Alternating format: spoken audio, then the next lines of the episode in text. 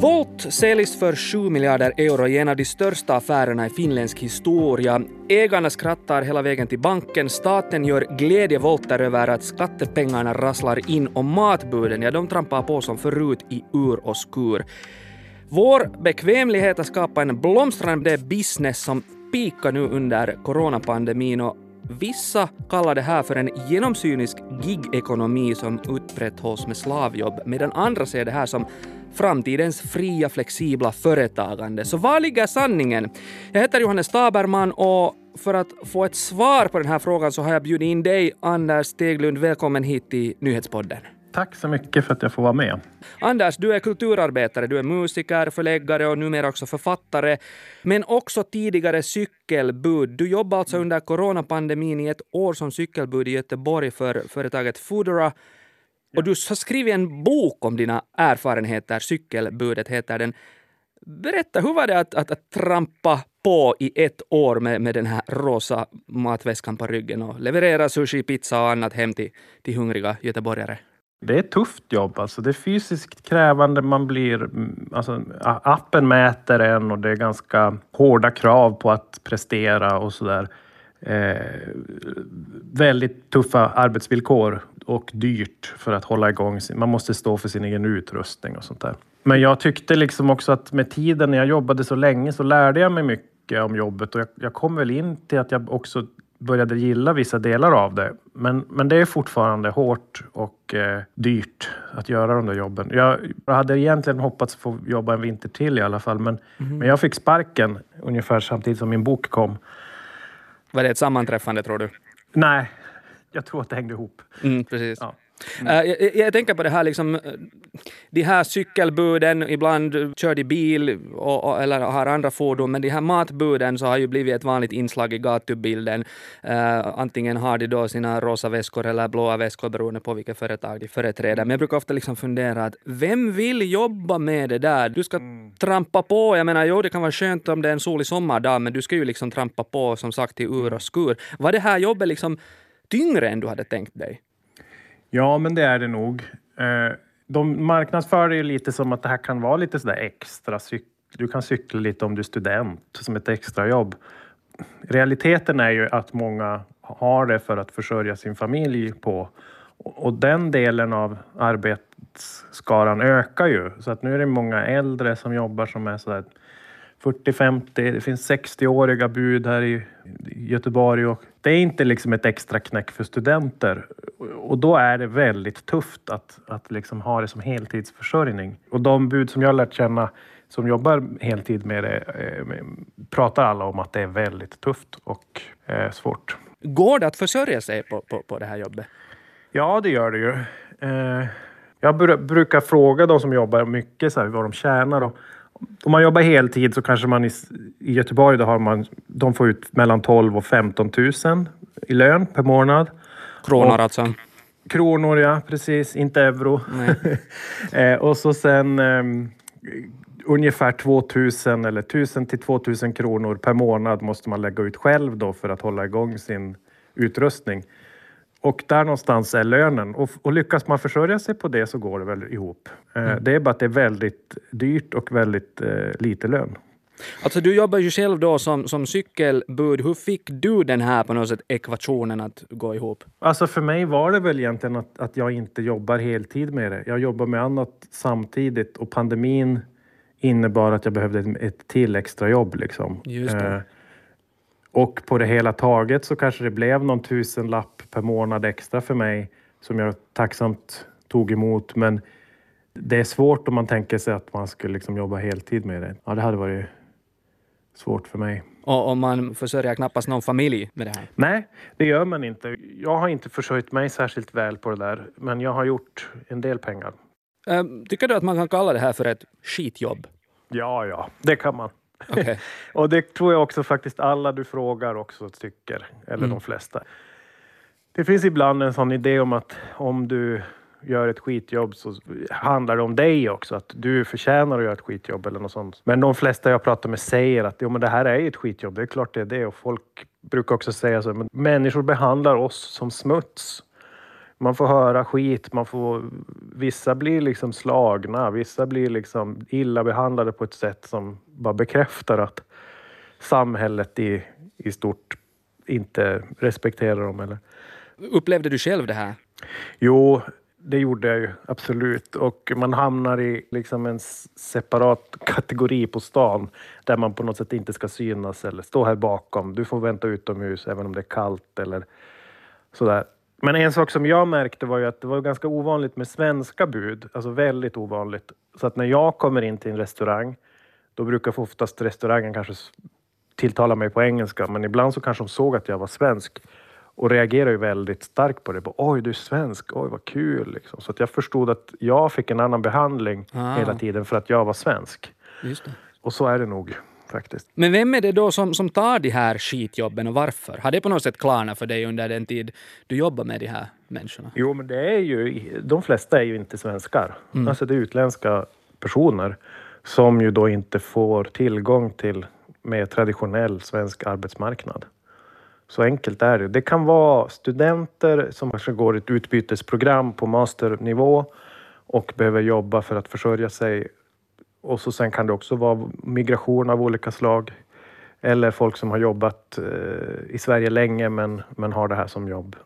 Men som jag ser det så är det väldigt många olika personer, men de flesta är män och de flesta är migranter eller inte svenskar. Du, du nämnde här att du fick ibland så specialbehandling för att du, var, du var svensk. Uh, men, jag men jag funderar... hamburgare en gång för att jag var svensk. Ja, precis. Men jag funderar ja. just liksom att, att hur behandlas man av andra människor när man jobbar som matbud? Jag menar, är, är man bara en vandrande matväska? Jo, nej men så är det. Man blir väldigt anonymiserad.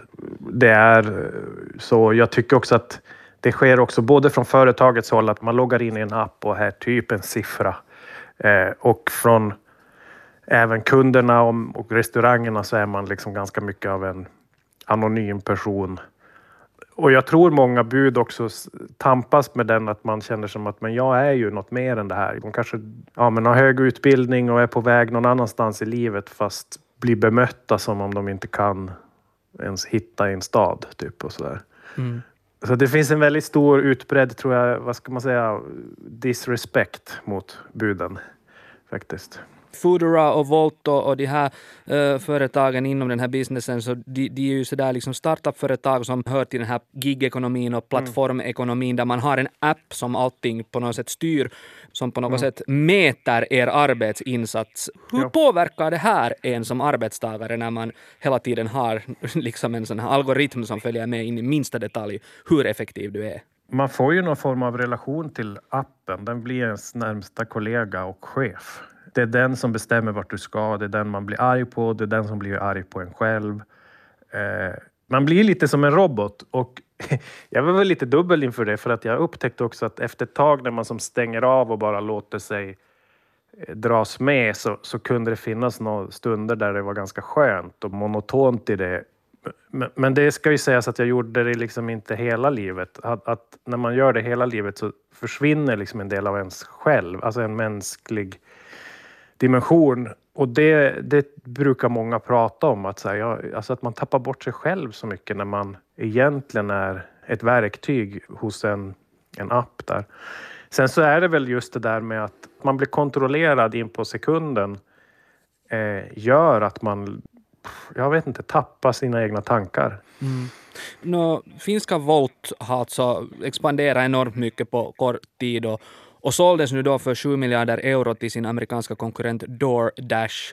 Och jag menar som sagt, hela den här businessen bygger på liksom behändiga appar men också på att det finns matbud som är redo då att föra hem den här maten. Men vad väcker den här Volt-affären för tankar hos dig?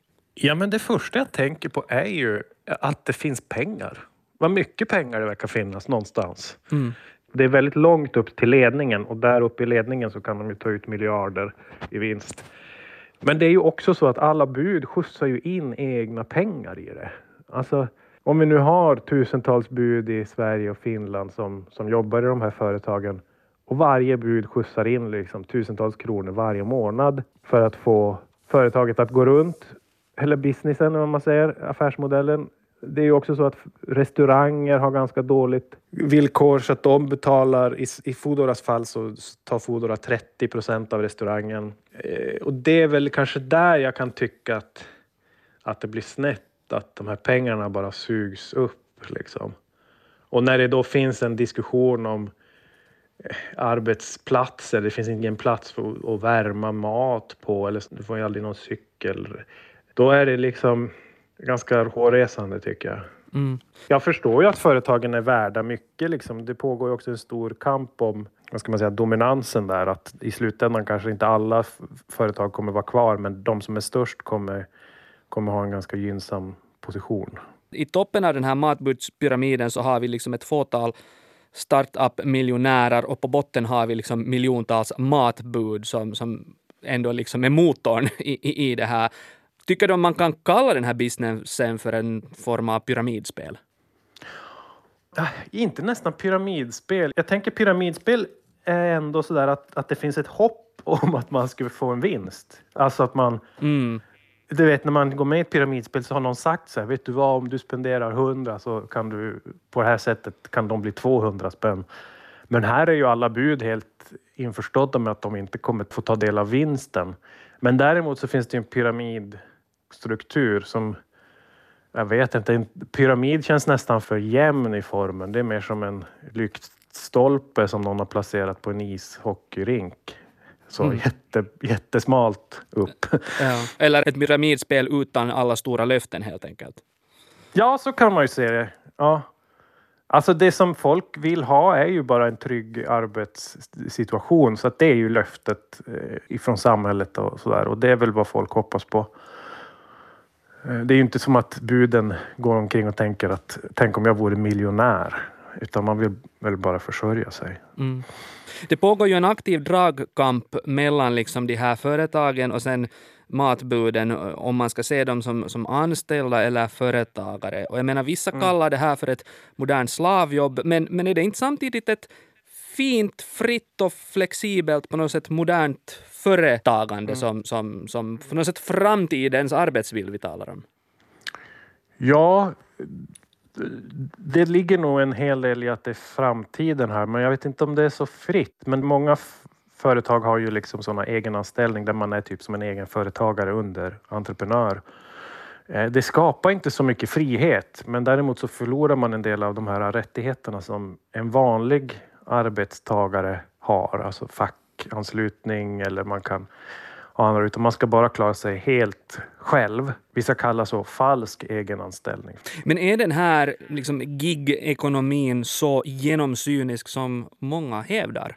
Eh, ja, det tycker jag nog ändå. Absolut.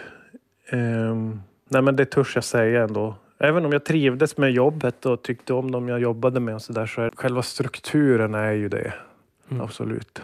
Ibland brukar jag tänka på så här, taxi, om man ska skicka något bud med en taxi några kilometer i stan, då kostar det ju ganska många hundralappar. Men nu har man liksom hittat ett sätt där det kanske bara kostar några tior. Och det är ju det som är fel.